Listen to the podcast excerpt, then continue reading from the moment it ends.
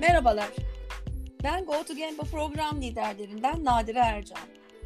Çeşitlilik ve Kapsayıcılık podcastimize hoş geldiniz. Bugünkü konuğumuz Artu Özeren. Hoş geldin Artu. Hoş bulduk Nadire. Merhabalar. Teşekkür ederiz. Davetimizi kabul ettin Artu. Bizi kırmadın. Ne demek benim için büyük bir keyif, büyük bir şeref. Çok teşekkür ederim. Ee, Artu benim İzmir Bornova Anadolu Lisesi'nden arkadaşım. Ee, 9 Eylül Üniversitesi Makine Mühendisliğinden mezun olduktan sonra University of Leeds'te MBA yaptı. Ee, Brisa, Legrand, Schiedel Çinli, Roto Frank gibi uluslararası kurumsal firmalardaki deneyimlerinden sonra 7 aydır eski adıyla ThyssenKrupp e, Elevator, e, yeni marka ismiyle de TK Asansör'de CEO'luk görevini yapmakta. Ayrıca 2 yıldır da Işık Üniversitesi'nde part-time eğitmenlik veriyor. Artu sen e, az önce de bahsettiğim gibi uzun seneler e, çeşitli uluslararası kurumsal şirketlerde çalıştın. E, değişik sektörler, değişik pozisyonlar, e, değişik bölümlerde deneyimin var. E, bunları düşünürsek e, çeşitlilik ve kap, kapsayıcılık konusunda bizlere neler anlatırsın? Fikirlerin nelerdir? Ee, çok teşekkür ederim Nadire. Ee, senin de bahsettiğin gibi aslında kariyerimin tamamı e, uluslararası şirketlerde geçti ve geçmeye devam ediyor. Dilerim de böyle devam edecek. Sadece ilk kariyere başladığım Brisa bir Türk-Japon e, ortaklığıydı. E, aslında hani çeşitlilik ve kapsayıcılıktan bahsederken önce ilk kısım e, yaklaşık bir 6-7 sene otomotiv sektörü ondan sonra da inşaat sektöründe geçti. Ee, otomotiv sektöründeki Birisa'daki aslında bu çeşitlilik ve kapsayıcılık veya kapsamayıcılık kısmına bir küçük örnek vermek istiyorum. Ee, şimdi bir taraf e, Türkiye topraklarından çıkmış ama e, kodları hala Anadolu'ya uzaran Türkiye'nin başarılı bir holdingi ve holdingin bir tarafı e, özellikle insan kaynakları anlamında daha açılımcı, daha çeşitlilik tarafına e, büyük çabalarla yönelmeye çalışan bir grup. Bir diğer tarafı ise şirketi kuranlar, kurucuların e, ikinci nesli, üçüncü nesli ise daha e, geleneksel olaya yaklaşmaya çalışan, şirketi daha geleneksel yönetmeye çalışan, e, hele bir dursun ağam diye yaklaşan bir tarafı vardı e, şirketin. Ama tabii bu bunları ben kötücül olarak söylemiyorum. Sadece bu bir tespit. Hı hı. Ama şirketin diğer tarafına baktığınızda Japonlar. Şimdi son derece geleneksel, e, son derece hiyerarşik ancak Japonların e, yaklaşımında hiyerarşi çok önemli. E, safları çok sık, aralarına kimseyi almıyorlar. Bir de enteresan, onlarla çalıştıkça anladık ki kadının yeri iş hayatında çok çok çok gerilerde. Yok diyelim. Yok, yok. Heh, evet. Neredeyse yok, evet. Neredeyse yok. Şimdi e, bir taraf, evet bir tarafın gelenekselciliği hoşunuza gidiyor ama hani hep erkek egemen bir ortam. Diğer taraf ise biraz daha tabii çağdaşlaşma yolunda yol atıyor ama yol adımlar atıyor ama e, o bahsettiğim Türk gelenekselciliği de ya ne işi var ya da niye bu kadar çeşitleniyoruz? Aynı yerden mezun olmuş arkadaşları istihdam edelim. Aynı memleketten arkadaşları istihdam edelim yaklaşımındaki bir e, gruptu aslında. Bu hani bir örnek olarak anlattım. Ama hani benim kariyer adımlarını daha hızlı atmaya başladığım sektör inşaat sektörü. Şimdi her ne kadar multinasyonellerde de çalışmış olsam da özü özü inşaat sektörü. Ve inşaat sektörü ne yazık ki erkek egemen. Ama sektörü de böyle ortadan ikiye ayırıyorsunuz. Eşit değil ama ikiye ayırıyorsunuz. Alt segment tamamen mavi yakalılar veya inşaattaki insan gücü. Şimdi insan gücüne baktığımızda o insan gücü e, sadece maliyet olarak ucuz insan gücü olarak e, değerlendirildiği zaman orada din, dil, ırk, renk ayrımı yok. Aman diyorsunuz ne güzel. Bir dönem bir dönem işte Roma, Romanya'dan gelen ucuz işçiler, Doğu Avrupa'dan gelen ucuz işçiler, sonra Stan ülkelerinden gelen işte Türkmenler, Özbekler filan aslında böyle çok multinasyonel, çok kapsayıcı gibi görüyorsunuz ama bunlar aslında bir şekilde kölelik. Bir şekilde kölelik. E şimdi de aynı şekilde hani Suriyeli ucuz işçilerimiz var. Ne bileyim Afgan ucuz işçilerimiz var. E, bu taraf bu taraf birazcık sömürü e, bakış açısıyla geldiğimizde hani aslında çok kapsayıcı değil, çok evet. kap, e, kapamacı e, olarak değerlendirilebilir. İşin beyaz yaka tarafına geldiğimizde şimdi olay birazcık daha bilimselleşmeye başlıyor. Hani biz biz sektörün e, ne derler bir noktaya gelmiş e, daha yetkinleşmiş beyaz yakaları olarak diyoruz ki önce farklılık zenginliktir ve farklılık çeşitliliktir. Bunu e, bir şekilde dikte etmeye ve hayatımızda uygulamaya çalışıyoruz ama yine bakıldığı zaman sektörümüzde şu var. Bu da bizim bence gelinlerimizden kaynaklanıyor. Benden olmayan benden değildir, başkasıdır. Yine yine atıyorum e, kendi memleketinden insanları, kendi okulundan insanları, kendi çevresinden insanları bir takım e, sektöre monte etmeye ya da şirketine monte etmeye çalışan bir e, anlayış var açıkçası.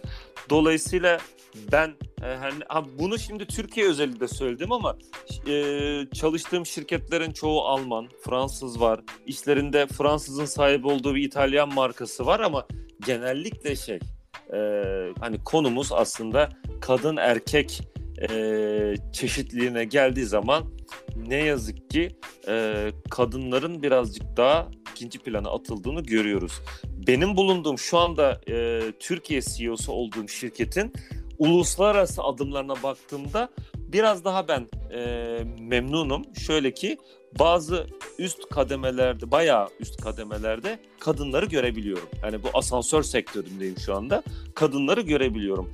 Bir de şu güzellik var. Bu tabii e, iyi bir örnek. Çok farklı dinlerden, pardon, çok farklı ülkelerden insanlar farklı rollere geçmişler. Yani burada birazcık e, ırk savunuculuğunun olmadığı bir şirketi görüyorum ve şöyle başka bir güzel bir şey de var. En üstten en alta kadar herkes herkese ismiyle hitap ediyor. Evet, çok güzel. Bu bu bu hoşuma giden bir şey. Hı hı. Ama hani bu her yerde her yerde rastlayabildiğim bir e, avantajlı e, özellik değil. Ama şunu itiraf ediyorum. Uluslararası bir video konferansta da benim hani iki kademe altın birisinin benden Artu diye bahsetmesi de benim hoşuma gitmiyor. yani biz burada biz burada Nadire Hanım Artu Bey'e alıştığımız için hani böyle Artu Adına yolladım o raporu dediğinde ben çıkınca sana gösteririm de diyorum. Bu konuda da e, küçük bir ironi yapmak istedim. evet.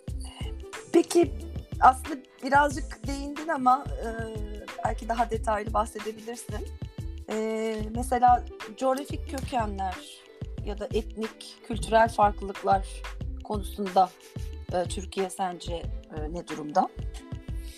Şimdi e, bir Türkiye Türkiye'ye bakış açısı olarak bakalım. Sonra bir de Türkiye'nin içinden olaya Hı-hı. bakalım. Şimdi e, sektörel olarak ya da biz Türkler Avrupa'nın Çin'iyiz. Ve e, Avrupalı'nın beklemek e, belli bir endüstriyel veya teknolojik başarı sağlamış Batı. E, biz ise biraz daha taklitçi, rekabet, patent konularında çok alacak yolumuz var. Şimdi öyle bakınca hani Türkiye sınırları ya da Türkiye batıdan birazcık şey e, kötü gözle bakılıyor açıkçası ya da biz evet kaliteli güzel işler yapan e, firmaların olduğu, güzel işler çıkaran, güzel e, çıktıları olan firma e, organizasyonlara sahip bir ülkeyiz ama bunlar ne yazık ki geneli temsil etmiyor.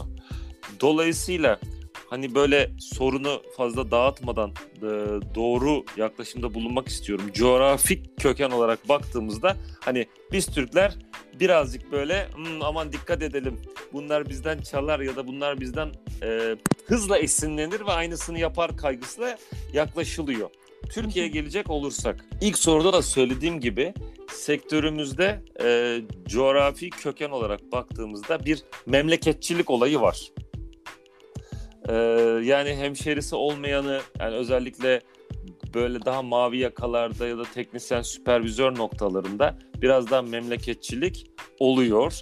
E, bu e, ya da işte İzmirli deyince tırnak içinde biraz böyle hmm, neden hı pek de anlamıyorum ama hani çok mu uyanık olur, çok mu sıcakkanlı çok ya da Kayserili deyince hmm, ya o niye Allah Allah yani her Kayserili'nin kafası ticarete erer ama böyle bir e, üstümüze yapışmış klişeler ve üstümüze yapışmış bazı böyle ön yargılar var. Ve zaten ne yazık ki bu e, kapsayıcılığın e, en büyük düşmanı üstümüze yapışmış olan ön yargılar. E, benim hani açıkçası burada söylemek istediğim özetle bu. Bir de e, şuna bir ekte bulunmak istiyorum. E, her ne kadar biz şirkette uzun süre çalışmak e, bence başarı. Tabii bunun bir uzunun bir açıklaması var ama ya da bir uzunun bir makul süresi var ama e, çok fazla çok farklı kültürden, çok farklı e, background'dan, geçmişten, e, geçmişle ilintili e, insanlarla çalışan kişiler çok daha başarılı oluyor, daha renkli oluyor, daha kendini adapte edebilir oluyor. Açıkçası Türkiye'de de ben bu hani kendi ülkemizde de bu ayrımı görebiliyorum. Yani atıyorum bir şehirden bir şehire seyahat ederken zorlanan veya bunu zulüm veya büyük bir külfet gibi görenle böyle bir Türkiye turu atıp gelen insanlar e, çok daha farklı, çok daha renkli, çok daha e, e, açıkçası ortama, şirkete ya da bulunduğu e, birlikteliğe, organizasyona renk katıyorlar.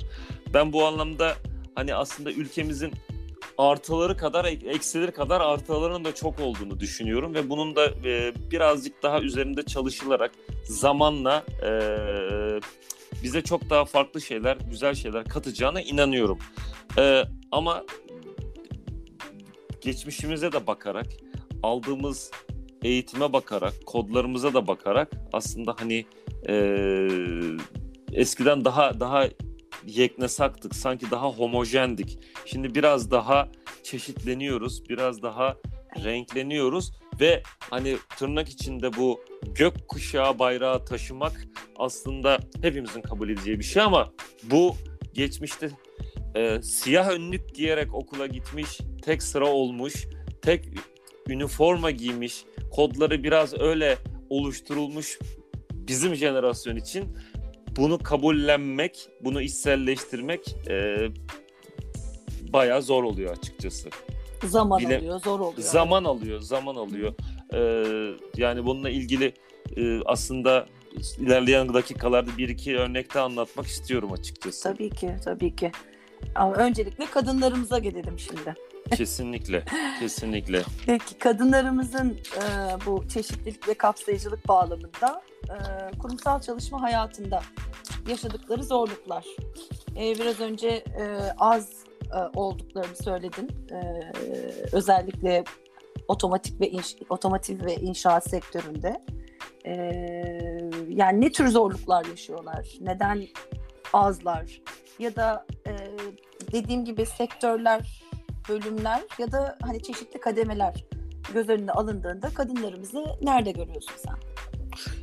Şimdi özellikle inşaat sektörü ne, yani uzunca kariyerimin uzunca bir süresini inşaat sektöründe geçirdiğim için e, demin de bahsettim. Hani birkaç tane klişe var. Bir tanesi inşaat sektörü olabildiğince erkek egemen. İkincisi e, genel olarak toplumsal olarak kadınlara yapıştırılmış bir takım e, ne derler özellikler var. Bir takım klişeler var. Bunlar ne? E, bir kere kadın genel olarak iş hayatında ciddiye alınmıyor. Tırnak içinde hemen elinin hamuruyla erkek işine karışma. Peki bu hani şey kodlarımıza ve ön yargılarımıza işlemiş bir e, olumsuzluk. Diğeri kadınlar ne yazık ki fırsat eşitliğine sahip değiller. Yani hani kadına bir annelik yükleniyor, eş olmak yükleniyor, ne bileyim e, kız çocuk olmak yükleniyor ama bu iş hayatında bir engel. Yani saat 5'te çıkmak zorunda belki çocuğunu gidip okuldan alacak ama bu hani e, onu terfi ettirmeyin. noktası var. Evet. Ee, bir yönetici bekar dahi olsa bir kadınla çalışmam diyor. Benim de şu anda hani çok enteresan bir örnek. Ee, belirli kadrolu için ben kadınların alınması ve kadınların daha başarılı olacağını düşünüyorum. Mesela satış kadrosu. Her şey her yere gitmeyebilir ama gidilecek yer var, gidilmeyecek yer var. Hani an geliyor ben bile gidip görüşmekten imtina ettiğim müşteriler var, kişiler var. Sebebi tartışılır. Şu anda konumuz değil. Ama tam tersi e, bazı pozisyonlar, bazı yerler var ki bir kadın satıcının, bir kadın yöneticinin o işi daha iyi yapacağını ben kalben inanıyorum. Bu tamamen benim ama şahsi görüşüm. Ee, ve gelen adaylar arasında ya şu kız iyi, eğitimi iyi, diksiyonu iyi, duruşu iyi, kumaşı iyi, tecrübesiz ama yaparız dediğimde yok ya bunu almayalım. Niye? Evlenecek. Ha. Ama önce nişanlanacak. E sonra evlenecek. Ha. Sonra bir de çocuk yapar. Dur önce balayına gidecek. Ha. Balayına gidecek. Tamam o da okey. Peki devam ediyoruz. Yani bunlar tamam. Zaman kaybı. Ya kardeşim yani sonuçta e, uzaya bir uydu yollamadık ki böyle hani alacağımız eleman saniye saniye uzaydaki iki uydunun kenetlenmesini takip etmeyecek ki. Üç, çocuk yapacak. Dört, çocuğa bakıcı bulamayacak. Beş, kaynanasını çağıracak çocuğuna baksın diye. Altı, bunlar gerçek ama bu arada. Altı, ertesi günü mutsuz gelecek çünkü akşam kaynanasıyla kavga etmiş olacak. He? O yüzden biz kadın çalışan almayalım. Kadın satışçı almayalım. Kadın muhasebeci almayalım. Niye? İşte bu dertlerden dolayı. Ee, bu tabii işte elinin hamuru kısmı ya da fırsat eşitsizliği kısmı. Ee, ama hani bana kalben soracak olursanız e, pek çok işte kadınlar erkeklerden daha toleranslı, daha başarılı, daha sabırlı. İnce işlerde özellikle. Bir başka konu, üçüncü başlık aslında mobbing. Yani kadın e, özellikle iş hayatında e, daha yani sokaktakinden daha fazla bence cinsel tacize, mobbinge, kıyafet kısıtlamasına e, maruz kalıyor. Bu da bence çalışanda çok ciddi stres kaynağı. Yani hem sağ hem sol anlamda söylüyorum. Yani kısa giyindin niye kısa giyindin? Kapalı giyindin niye kapalı giyindin? Ee, çok kapalı giyindin. Ee, sonuçta bu kadınların iş arkadaşlarıyla da ilgili bir iletişim engeli. Bir de tabii mesleki ayrımcılık. Yani e, kadın işi erkek işi. Bir diğer konu. Hani evet. kadın işi ne demek? Ben samimi söyleyeyim İstanbul'da bir kere rastladım. Eminim ki sayısı giderek artıyor. Bir kadın otobüs şoförü gördüğümde hani el sallamıştım kendisine gülerek. Ona o ne yaptı dersiniz? O da camı açtı o da bana el salladı ve kornasına basıyor. Ama şimdi bunu bunu bir erkeğe yapsam erkeğe yapsam Levi yanır iner böyle yani. Ondan sonra e, akşam te- haberlere çıkarız. Yani kadın işi erkek işi. Yani e, halbuki kadın kadın neden otobüs? İstanbul gibi bir yerde niye otobüs kullanmasın? E, bir başka konu. E, yani buna ben aslında çok hassasiyet gösteriyorum ama bununla ilgili çok ciddi şikayetler veya hani niye o şirketten ayrılmak istiyorsunuz dediğimde kadın adaylara şunu öğren. Görev dışı kendisinden olan beklentiler. Nedir bu? Sabah işte git çayı koy da gel. Ya da işte atıyorum erken gidilmiş şirkete daha işte çaycı gelmemiş. Kadından gidip işte e, kettle'ı açar mısın? Kahveyi koyar mısın? E, hatta hatta şu masamın tozunu alır mısın gibi e, bunlar gerçek bunlar abartılı Ay. değil. E, bir de bir de kadının ne yazık ki evet bu doğru şu anda söyleyeceğim şey doğru var ama bence bu bir pozitif bir şey ama çeşitli pozisyonları layık görememek.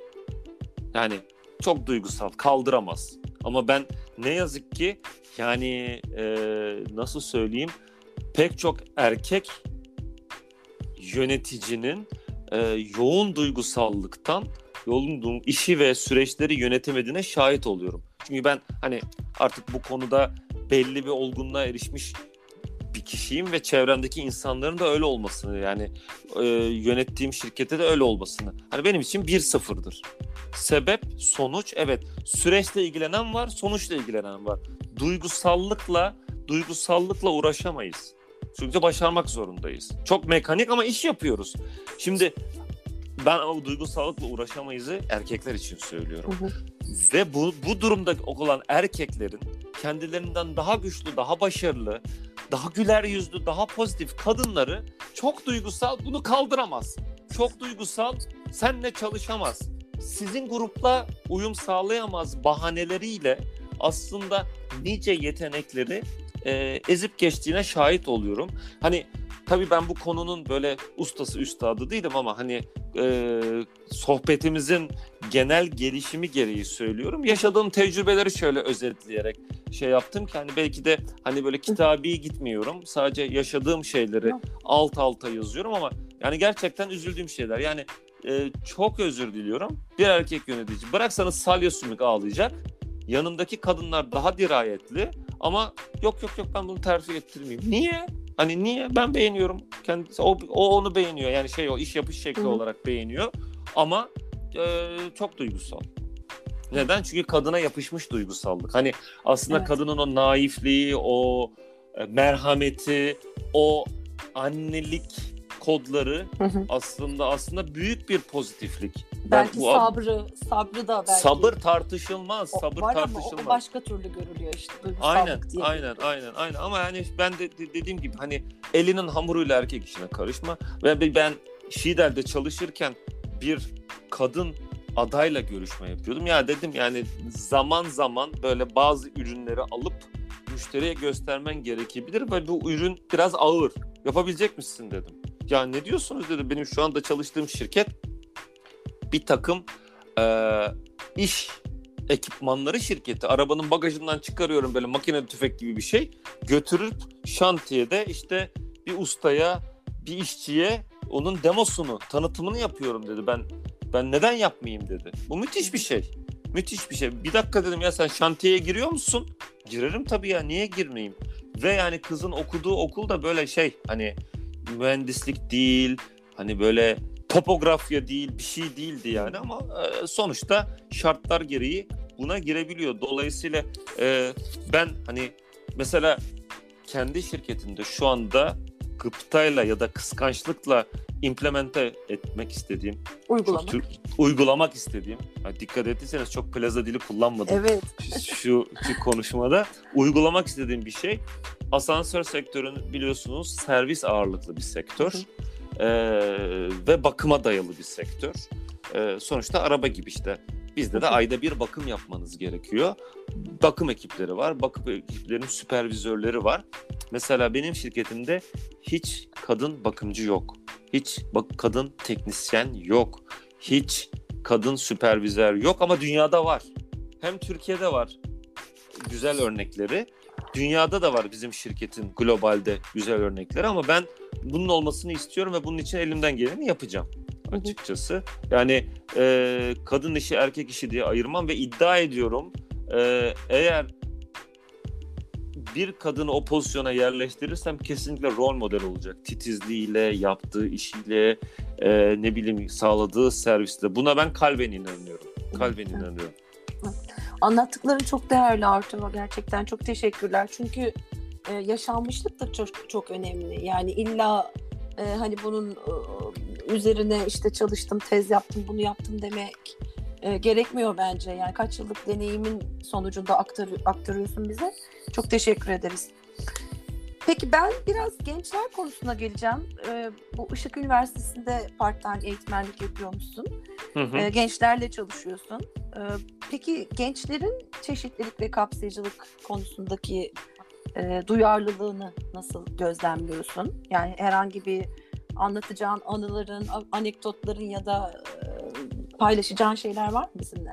Şimdi tabii ki var öncelikle. Bir üç küçük örnek vermek istiyorum bu soruya. Bir tanesi benim işte yarı zamanlı part time değil. Yarı zamanlı Pardon. yarı zamanlı eğitmenlik yaptığım okulla ilgili kendi okul e, üniversiteyle ilgili bir vakıf okulu. E, ilk gittiğimde de çok e, hayranlıkla gözlemlemiştim. E, hem batıdan Erasmus öğrencileri var hem de doğudan e, Orta Doğu'dan, Afrika'dan çok farklı öğrenciler vardı. Yani gerçekten uluslararası bir ortamdı ve şunu görüyorum. Bizim yani Türk öğrenciler son derece bunları e, kucaklamışlar. Üniversitede kurum olarak da bu arkadaşlar için işte bir takım resmi e, uyum ofisleri kurmuş, adaptasyon ofisleri kurmuş. Bir de okulun içinde kulüpler var. Bu kulüplerde gönüllü öğrenciler var. Gönüllü öğrenciler bu arkadaşlara tercümanlık yapıyor, İstanbul'u tanıtıyor, yurt konusunda yardımcı oluyor, derslere sokuyor, e, ders anlatıyor, gönüllü koştuklar yapıyor. E, bu anlamda e, gayet gayet böyle hayranlıkla izlemiştim. Yani aslında e, geleceğimiz genç kardeşlerimiz ve bu anlamda gençlerden son derece umutluyum. E, bu bir pozitif örnek. Diğer bir örnek ben kendimle ilgili. Belki de kötü bir kötü bir örnek ama hani e, şimdi anlattığım ışıktaki öğrencileri pozitiflemek anlamında, onore etmek anlamında bir örnek. İngiltere'de iş idaresi master'ı yapıyordum ee, ve işte bölüm dersleri var ama muhasebe dersi genel. Yani atıyorum sınıfınızda girdiğiniz diğer derslerden hariç muhasebe oldu mu koca koca amfilerde giriyorsunuz. Herkes çünkü ortak ders. Hı hı. Ee, ama tabii Avrupa'da en önemli kültürlerden bir tanesi güven kültürü. Profesör geliyor, soruları fır fır fır dağıtıyor, çıkıyor gidiyor. İki tane asistan giriyor. Bir tane asistan girdi. Tırnak içinde söylüyorum. Tam bir Sir James. Hani böyle ceketi meketi. Genç bir çocuk ama yani. İkinci ikinci asistan girdi. Ben de üçüncü sırada oturuyorum amfide. Hani uyanı önüne olalım.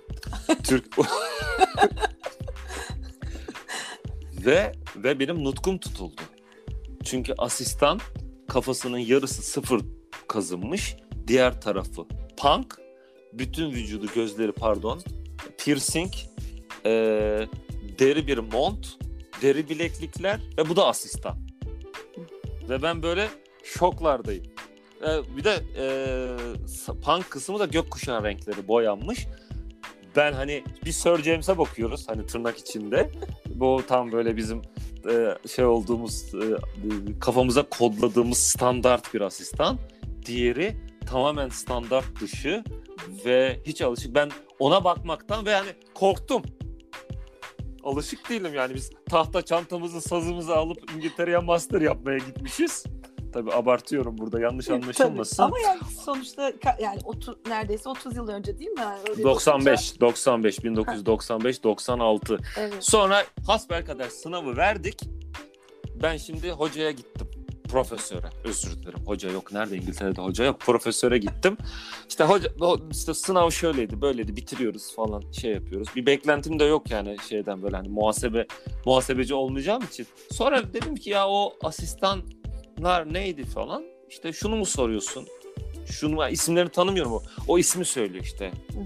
James'i mi tanıyorsun Clara'yı mı tanıyorsun neyse işte. Ben herhalde Clara dedim. Ya hocam neydi o ya falana getirdik. Aa dedi o dedi çift dal yapar. Ondaki IQ öyle yüzde yüz ellidir falan dedi. Şimdi bir anda kafama taş düştü. Bir, hani dış görünüş aldatıcıdır. İki, ön yargı bir klişedir. Üç, evet. e, hiç beklemiyorsunuz ama hayatta karşınıza her şey çıkabilir. Bir de çift dal yapıyor İngiltere'de veya yüksek IQ'lu birisi ve bir kadın ve hani işte bu benim yine dediğim gibi gençlere hani ben Türkiye'deki ışıkta gördüğüm gençler e, öyle harman olmuşlar ki artık hazırlar hayattaki çeşitliliğe ve kucaklamaya. Üçüncü örnek e, kızımla ilgili. Kendisi bir Fransız okulunda okuyor. E, tabii yaklaşık bir buçuk yıldır kapalı. Hani cam cama eğitim yapıyorlar ama can, can, canlı, can cana eğitim yaptıkları zaman klasik veli toplantıları oluyor. Oraya gittiğimde tabii frankofon hocaların hepsi Fransız değil ama frankofonlar ve e, farklı e, renklerden hocalar, farklı ırklardan hocalar, farklı tercihlerden hocalar, dinsel tercihlerden. ve ben e, şunu şanslı. Çünkü daha e, 13-14 yaşlarında e, farklı farklı insanlarla, farklı farklı kültürlerle, farklı farklı kodlarla e, kendini harmanlayarak hayata bakıyor ve iddia ediyorum onun bakış açısı benden çok daha geniş. Yaklaşımları benden çok daha geniş. Yani e, bizim e, ister istemez belki biraz argo kullanarak ötekileştirdiğimiz bazı e, algıları çoktan çoktan e, kabul etmiş durumdalar. Yani birinci örnek ışıktaki örnek oradaki kardeşlerimiz de bence çok başarılılar. Bir de hani kendi kızımın bulunduğu eminim ki onlar da büyüdüğü zaman bir üniversiteye gittiği zaman herkes birbirine kaynaşacak. Çünkü nedir? Bizim ortak amacımız ne? Burada eğitim almak, eğlenmek, bir şeyler öğrenmek, kendimize ve toplumumuza faydalı olmak düsturuyla yaklaşacaklar. Bu benim e, bu konuda vermek istediğim bir örnek. Belki birazcık e, konudan saptım ama e, hani a- anekdot deyince böyle biraz renklendirmek. Süper. Süper. Teşekkür ederiz. Konu gençler olunca zaten hiçbir şekilde e, şey olmaz, sıkıcı olmaz ve ilgi çekici olur. Peki Artu son olarak sana şunu sorayım. E, sence e, çeşitlilik ve kapsayıcılık anlamında bizlere düşen görevler neler? Ee,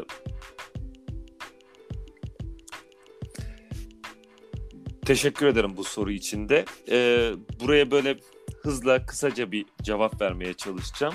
Ee, her şeyden önce farklılık zenginliktir. Farklılık çeşitliliktir. Ee, ve bence bunun önündeki en büyük engel de ön yargılar ve düşüncelerimizin kısıtlanması. Ee, bizler bahsettiğim gibi işte iyi kötü kariyerinde bir yere gelmeye çalışan, e, bir şeyleri başarmaya çalışan, e, okyanusta bir kum tanesi olsak da e, pek çok insana, pek çok kişiye örnek model e, olmaya çalışan insanlarız.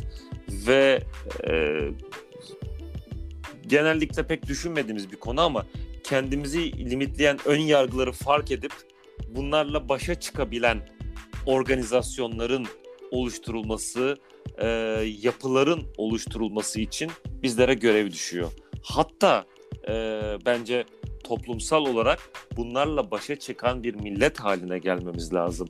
Böyle olduğu zaman daha güvene dayalı, daha kucaklayan, kapsayan, herkesin kendi olabildiği yapılar oluşturabiliriz.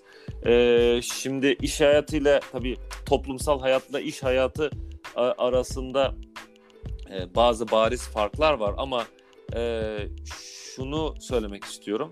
Bir kere herkesin kendi olabildiği bir toplumsa toplum ile herkesin kendi olabildiği bir şirket arasında ince bir nüans var ama herkesin kendi olabildiğinde söylediğim biraz kadını ön plana çıkarıp hani kadını anlayıp kadının beklentilerini veya e, motivasyonunu, o, onun hırslarını anlayıp e, içleştiren e, bir yönetim felsefesiyle e, şirketleri bence bezemeliyiz ya da kuşatmalıyız.